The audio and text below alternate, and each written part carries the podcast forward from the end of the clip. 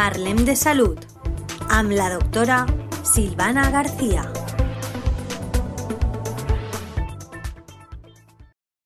Hola oyentes de la Tegua Radio, otro jueves más juntos y hoy les traigo un programa para aclararnos un poquitito las dudas entre lo que es un contacto estrecho y lo que no, ya que estamos en una época de mucho contagio, eh, cada vez aparece más gente positiva y claro, es un lío para nosotros los sanitarios poder poder estar rastreándolos a todos porque realmente son demasiado y nosotros no somos tantos. Entonces, si quizás ustedes pudieran entender un poquitito eh, la diferencia entre un contacto estrecho y cuando no, y lo que tendrían que hacer, eh, nos ayudaríamos entre todos. Entonces, ¿cuándo no se considera un contacto estrecho? Esto sería cuando no.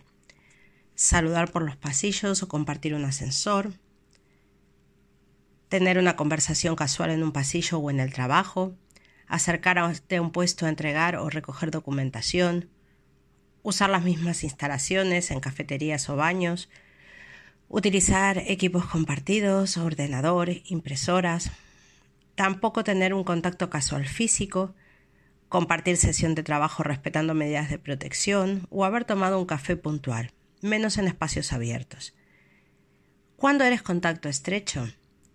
si habéis estado sin mascarilla adecuada más de 15 minutos a menos de 2 metros, si le has proporcionado cuidado sin usar medidas de protección, si habéis comido durante más de 15 minutos a poca distancia, si habéis compartido transporte más de 15 minutos a menos de 2 metros y sin mascarilla adecuada, si vives o duermes en el mismo lugar, si habéis compartido espacio cerrado con mala ventilación más de dos horas sin mascarilla adecuada, entonces, ¿qué haces si realmente has estado en contacto con una persona diagnosticada de COVID? Si has tenido este contacto estrecho del que hablamos y has estado con esta persona desde las 48 horas antes de que inicie los síntomas, hablamos de 48 horas antes de iniciar síntomas o desde 48 horas antes de la realización de la prueba diagnóstica, pero en asintomáticos y sin las medidas de protección necesarias y has estado proporcionando cuidados a esa persona o en contacto con secreciones o sus fluidos, o estando en el mismo lugar a menos de dos metros y durante un tiempo total acumulado de más de 15 minutos en 24 horas.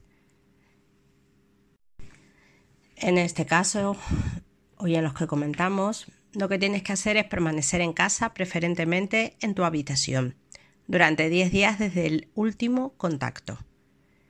Deberías restringir al máximo las salidas de la habitación y evitar el contacto con los convivientes. También hay que extremar las medidas de prevención. Si tienes que salir de la habitación, usar mascarilla quirúrgica. Hay que observar la aparición de algún síntoma como fiebre, tos, dificultad respiratoria durante los 10 días de cuarentena y los 4 días siguientes. Hay que lavarse las manos con frecuencia y a ser posible no hay que compartir el baño con los convivientes. Hay que organizarse para no salir de ninguna forma fuera de casa, salvo que sea imprescindible y en ese caso llevar mascarilla quirúrgica, pero no hay que salir.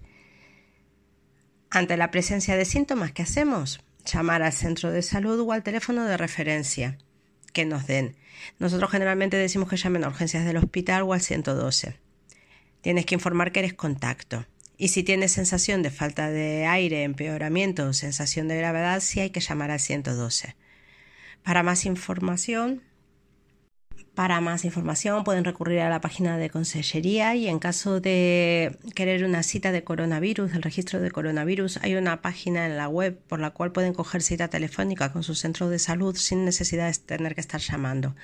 Ante cualquier síntoma pueden ir a la página de la web que es coronavirus.autotest.san.gva.es barra cita guion coronavirus guion registro guion es.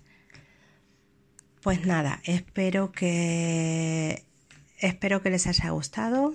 Cuídense mucho, sean conscientes y no y no estén haciendo salidas para que el virus se siga multiplicando y se siga esparciendo.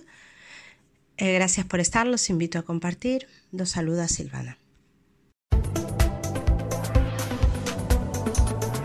Parlem de Salut amb la doctora Silvana García.